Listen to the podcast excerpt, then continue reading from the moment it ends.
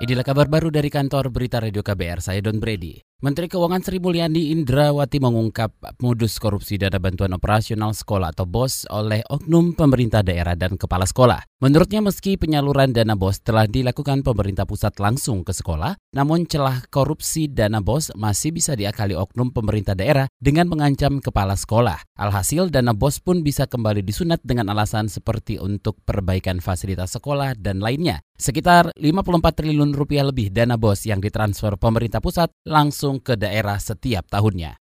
Saudara polisi enggan menjelaskan hasil uji laboratorium forensik terhadap telepon seluler milik dua tersangka yang menyerang penyidik KPK Novel Baswedan. Juru bicara Mabes Polri Argo Yuwono menyebut hasil uji lab 4 akan disampaikan saat persidangan sudah berjalan. Saat ini berkas kasus penyerangan terhadap Novel Baswedan telah dilimpahkan kepada Kejaksaan Tinggi DKI Jakarta sudah berkas sudah dikirim nanti biar di sana aja nanti. Oh berarti tidak akan diungkap ke publik tapi langsung di pengadilan ya? Ya kan sama aja juga juga mau.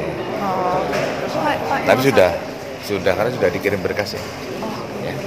Itu tadi juru bicara Mabes Polri Argo Yuwono. Sebelumnya Polri melakukan uji laboratorium forensik telepon genggam milik dua tersangka untuk mengetahui dan memperkuat argumen hukum untuk menjerat pelaku penyerangan Novel Baswedan. Saat ini tim penyidik menunggu perbaikan dari kejaksaan. Sekitar akhir Desember lalu kepolisian menangkap dua anggota Polri aktif yaitu RM dan RB di Cimanggis, Depok, Jawa Barat. Keduanya disangka menyerang Novel Baswedan sehingga langsung ditahan di Bares Krim Mabes Polri. Kedua tersangka pelaku diancam melanggar pasal tentang penganiayaan dan pengeroyokan.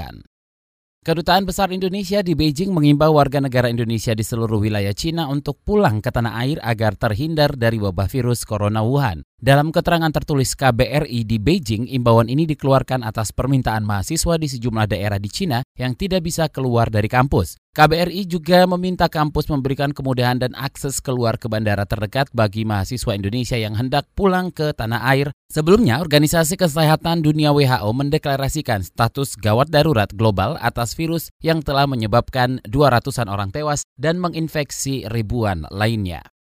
Saudara pemerintah Provinsi Kalimantan Timur akan membangun rumah sakit khusus pasca merebaknya virus corona Wuhan di sejumlah negara Asia. Gubernur Kaltim Isran Nur mengatakan rumah sakit khusus itu nantinya untuk penanganan penyakit-penyakit tertentu yang memerlukan penanganan khusus seperti virus corona Wuhan. Karena dengan ada kasus seperti ini, kita akan usulkan sponsor-sponsor dari negara-negara luar mau membangun sebuah rumah sakit khusus. Ya tinggal kita lapor, nanti rekomendasi dari Kementerian Kesehatan itu bisa dibangun. Sementara terkait lahan Gubernur Kaltim, Isran Nur menyatakan hal tersebut tidak akan menjadi masalah karena Pemprov punya banyak lahan kosong dan Isran juga mengaku tak ada anggaran khusus yang disiapkan Pemprov Kaltim untuk mengantisipasi virus corona Wuhan yang telah menewaskan 200-an orang di Cina dan menginfeksi ribuan orang lainnya di dunia. Demikian kabar baru dari kantor Berita Radio KBR, saya Don Brady.